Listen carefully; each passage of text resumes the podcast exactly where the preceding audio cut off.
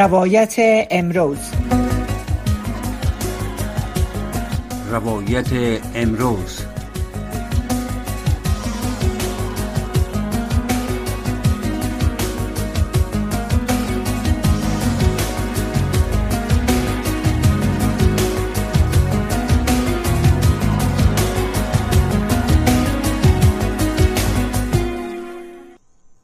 بینندگان محترم شنوندگان محترم.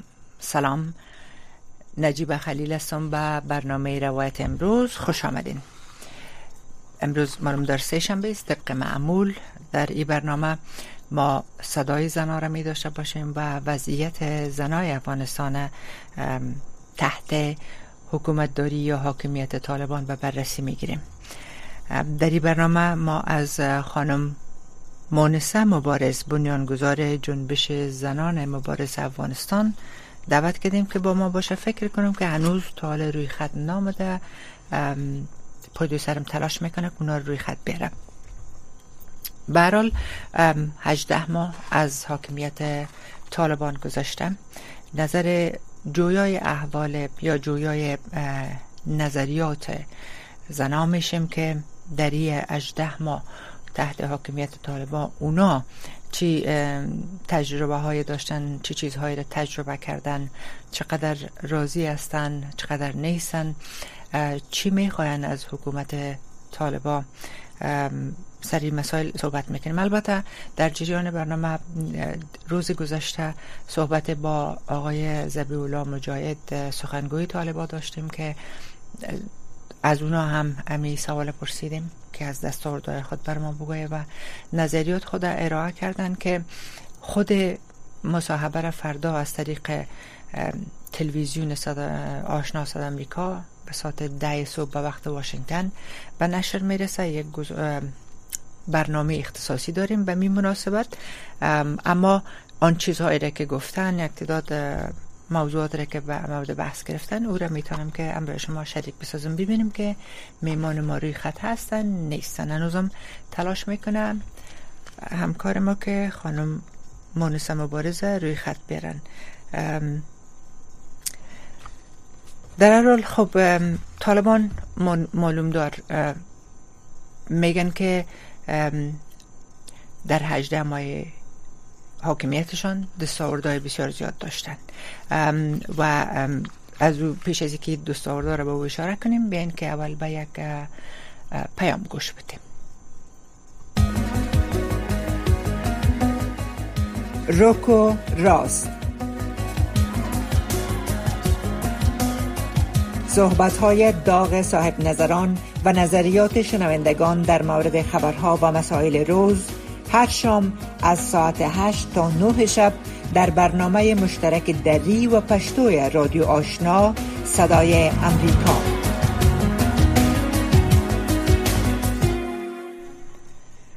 بازم به برنامه روایت امروز خوش آمدین. تا چند لحظه دیگه که میمان ما روی خط بیایم میره می‌خواستم بگم که طالبا میگن که ما دستاوردهای زیاد داشتیم.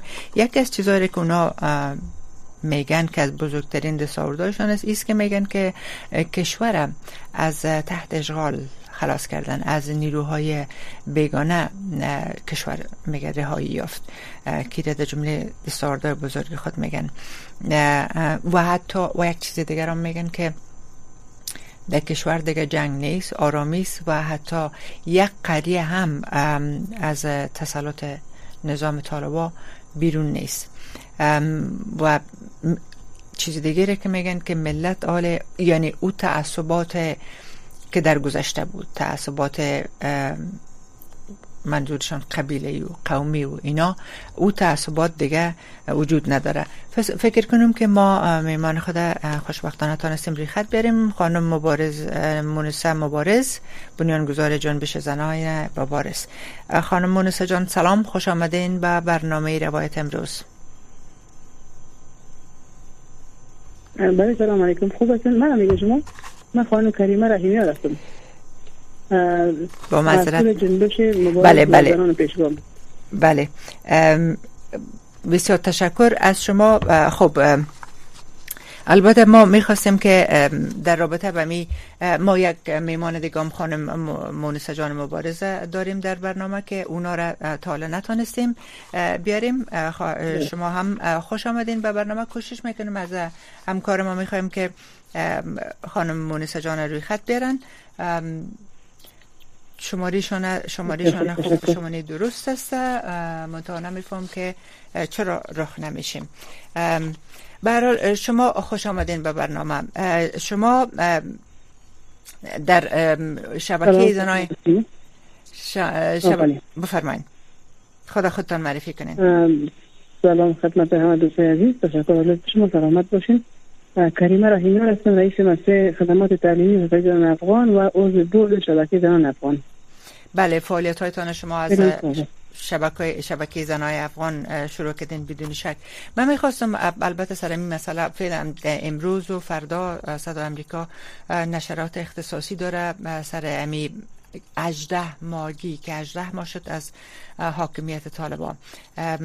می‌خوایم که از شما بپرسم که این اجده ما حاکمیت طالبان شما چه قسم تعریف می‌کنین؟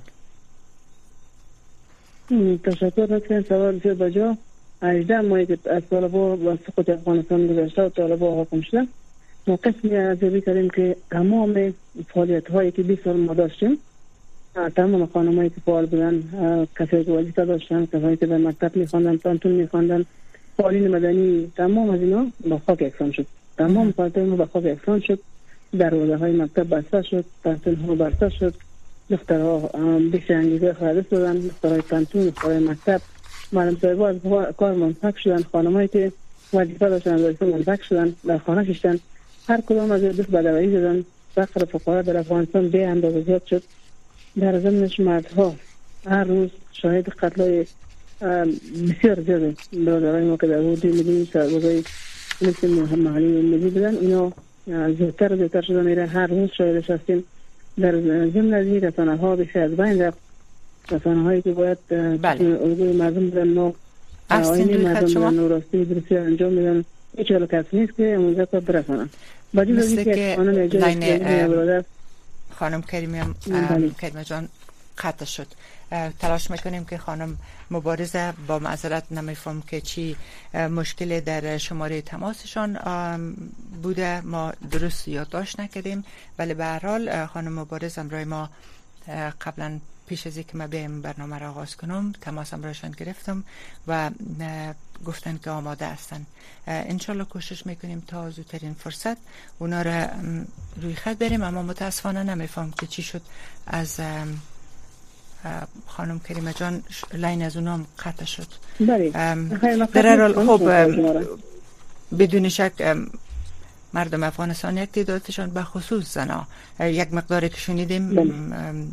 اونا هم نارضایتی خود نشان دادن خانم کریمه و چیزهای صحبت های داشتن که ای کاش من می‌تونستم که داشته باشم شانه که در پاسخ از اونا چیزایی که طالبا گفتن اونا چه می در قسمت خانم ها چی پلان های دارن و ای که طوری که فعلا روشی که فعلا در برابر از اونا داره دلیلش چی است؟ این مسائل با اونا شریک بسازم. ولی کوشش می‌کنیم خوب که بیاریم اونا را دوباره روی خط.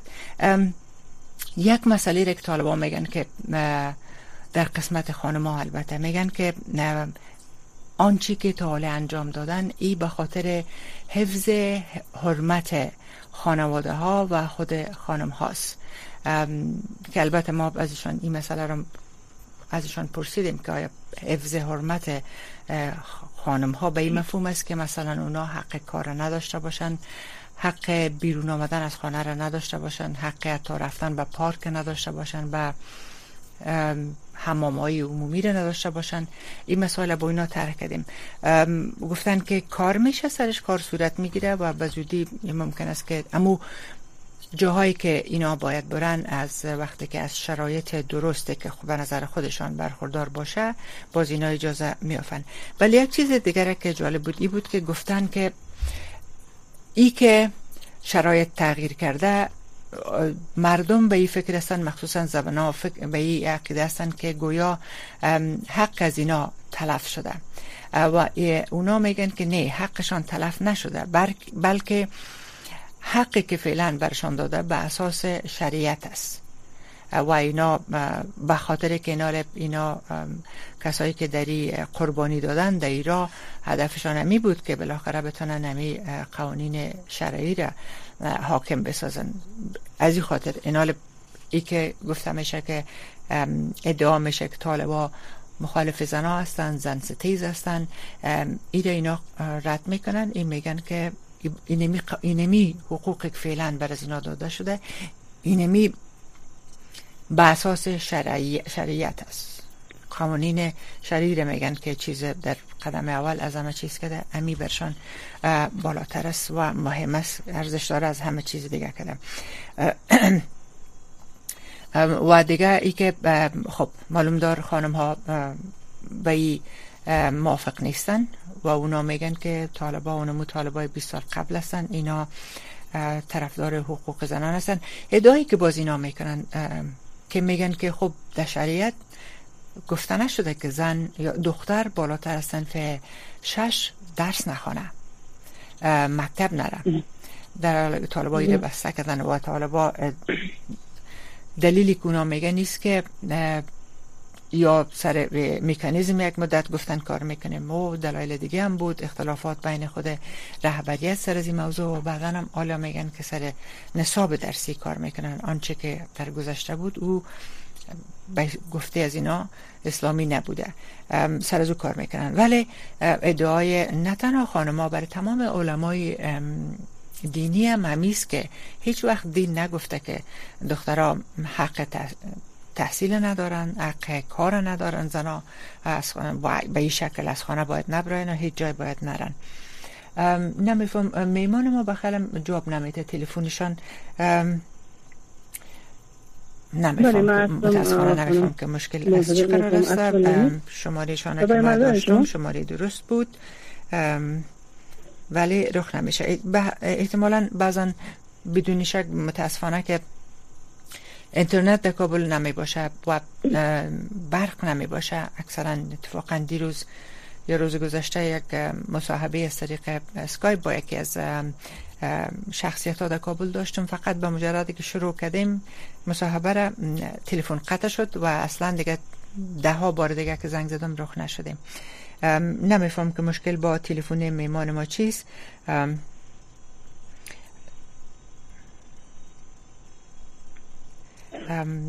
یک با معذرت یک پیام برشان میمانم ببینیم که خدا کنه که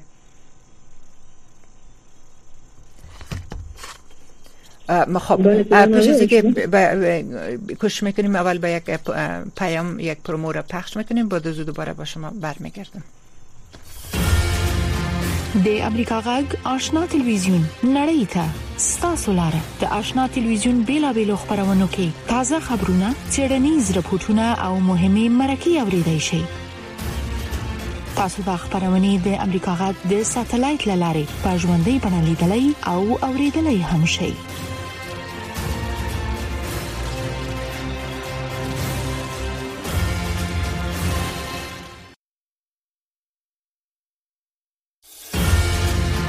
د امریکا غږ آشنا ټلویزیون نړۍ ته. ستاسو لاره د آشنا ټلویزیون بیلابېل خبرونو کې تازه خبرونه چیرنیز رپورټونه او مهمه مرکه اوريدئ شئ.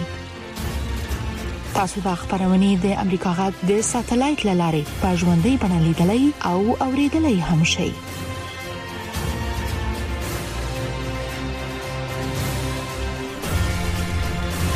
بازم به برنامه روایت امروز خوش آمدین.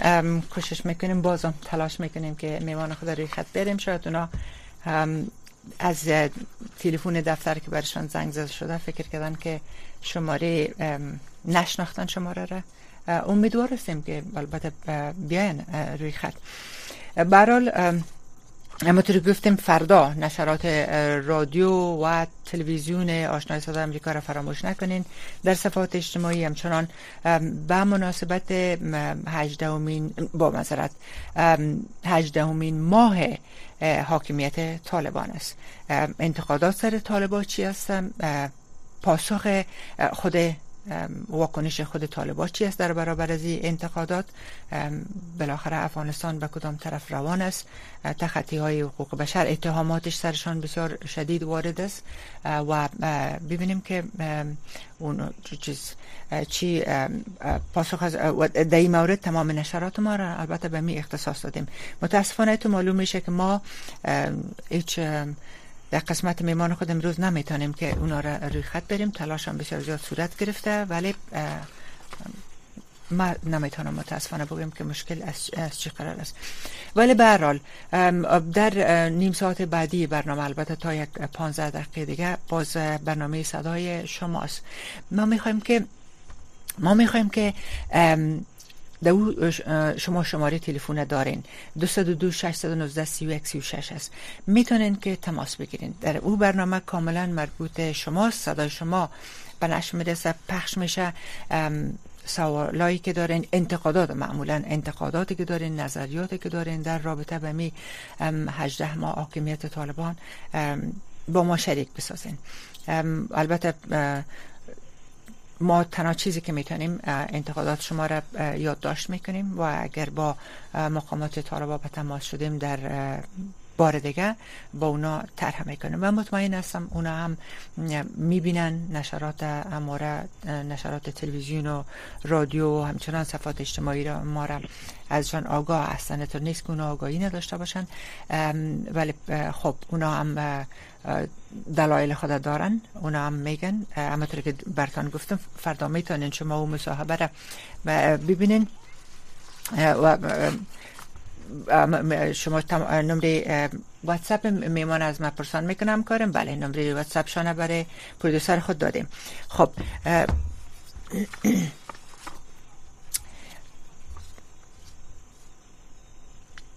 خب کوشش می‌کنم که خانم مبارزه اگه ما بتونم از گفتن از طریق واتساپ ما بوصل کنم.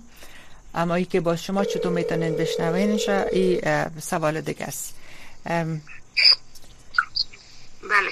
بله خانم مبارز صدا شما میشنوین بله دارم صدای شما را. متاسفانه متاسفانه نمیفهم که مشکل چی است. ما تقریبا تقریبا 13 دقیقه برنامه تیر شد. بسیار تلاش کردن همکار ما که شما را روی خط بگیرن. برای برحال بین که تا امیالی که فعلا داریم یک 15 دقیقه دیگه که یا 12 دقیقه دیگه که از برنامه مانده یک مختصر بگوین. امی شما خودتان حاکمیت 18 ماهه طالبان شما چه قسم تعریف می‌کنین؟ تعریفتان چی است؟ چی کارایی کردن؟ چی میگین؟ سلام و درود خدمت شما و خدمت شنونده ها اما قسمی که حکومت طالب کارکرد طالب برای تمام دنیا معلوم است برای من به عنوان یک شهروند افغانستان برداشتهایی که دارم اینجا خدمت شما و خدمت همه مردم شریک می سازم اولا اینکه طالب از راه مشروع تصاحب قدرت نکرده بلکه از یک راه غیر مشروع کشتن بستن جنگیدن با افغانستان تسلط حاصل کردن و در پی یک معامله ننگین و طبق همون معامله هم باز متحد با اون معامله به شکلی که مسلمت آمیز باشه اینا تصاحب قدرت نکردن. همه مردم میدانه که تا آخرین دقایق جنگیدن و وارد کابل شدن. یک نیروی که در کو بوده زندگی شهری را نداشته تحصیل ندارن دانش ندارن تخصص ندارن ارزش های ملی و بین المللی را نمی‌شناسن. اونا دیگه چی توقعی می داشته باشیم که چی کار می‌کنن؟ میشنم میش از طریق رسانه که سخنگویان حکومت طالب البته نه حکومت مردم افغانستان از امنیت میگن از آرامش میگن. آخی کدام امنیت؟ قتل های مرموز نسل کشی بازداشت ها اشکنجه مجازات به شکل بسیار جدی و بیرحمانه و غیر انسانی در دستگاه های استخباراتی گروه طالب وجود داره امی اکنون که با شما صحبت می‌کنم شما با جریان هستین که همی هفته شنبه پریسا مبارز را از تخار بازداشت کردن. در یک شبانه روز آنقدر مجازات کردن که بعد از بازداشت تصاویرش روی شبکه های اجتماعی آمد و مردم همه دید و همی اکنون نرگس سادات عضو شورای رهبری جنبش اصلی زنان مقتدر افغانستان تحت بازداشت است. امیل از ما شما صحبت می‌کنیم. ما مطمئن هستیم که دارن در استخبارات و را اشکنجه می‌کنن. نسل کشی از ها تعصب تفرقه اندازی فقر نگه داشتن مردم در یک فقر مزمین بردن کشور به یک انزوای بین المللی و از دست دادن تمام کمک ها و حمایت بین المللی نبود روابط دیپلماتیک و نبود رفاه و سهولت های اجتماعی امکانات درمانی همه مواردی است که حتی مردم در خانه هایشان مسئولیت ندارند. در داخل خانه هایشان در کوچه هایشان کامره امنیتی نصب شده. خانه ها هر روز مورد تلاشی قرار می‌گیره مردم نه عزت داره در, در تحت حکومت طالب نه وقار مانده به مردم ما نه غرور بانده. هر روز عزت و وقار مردم ما توسط ملیشه های وحشی طالب پایمال میشه. خانم مبارز ببخشین تشکر. من همه خواستم بگم که ما دیروز ما با سخنگوی طالبان صحبت هایی که داشتیم اونا را من ازشان امیر طرح کردم. گفتم که شما طالبا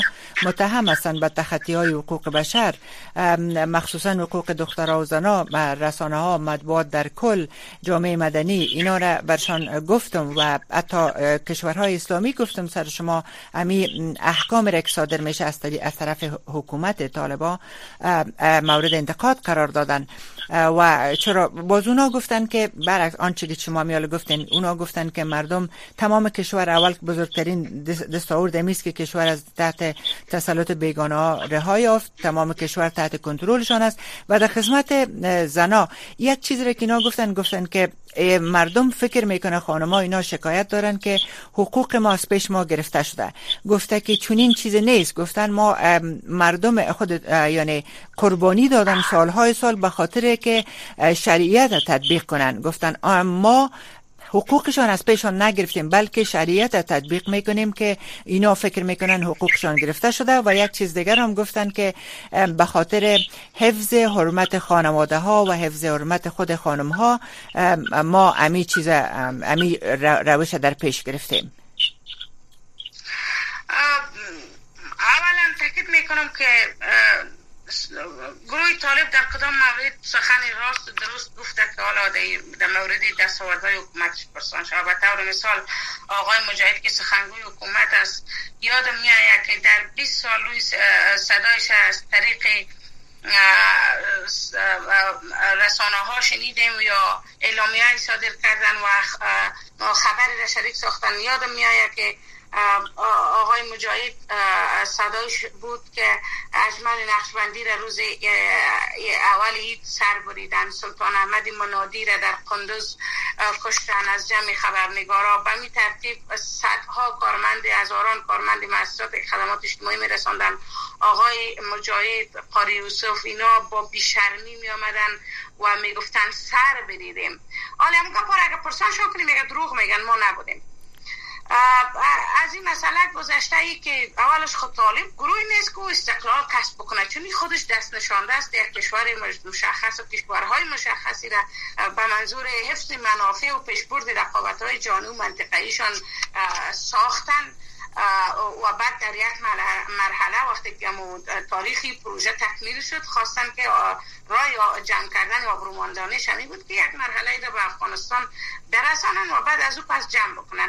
همین که از طرف هیچ کشورم به رسمیت شناخته نمیشن هم دلیلش همین است که پروژه بالاخره بر اساس یک حکومت مشارکتی یا هر چیزی یا موقتی بالاخره جمع میشه. آیستا آیستا ما به دمی قسمت. تشکر. گپتان یادتانه را دمی قسمت ما برشان. میگم پرسیدم ازشان که چرا طالب رسمیت نشناخته تانه هیچ کسی اونا گفتن که اول خوی مسائل ریزن نباید باعث ازی شود که جامعه جهانی ما را به رسمیت بشناسه.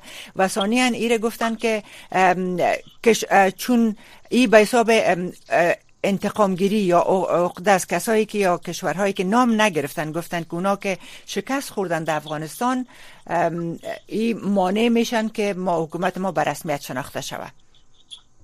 خب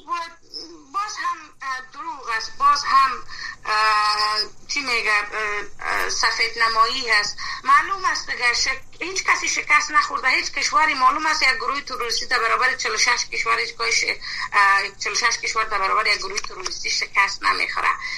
یک معامله بود یک پروژه بود اون از, از همه چیز که واضح و روشن است در دوهای معامله شد بین طالب و امریکا بالاخره افغانستان برش تسلیم شد و یک مکانیزم جمع کردن پروژه هایی است که به شکل استخباراتی ایجاد میشن کار می‌کنن. یک مسئله.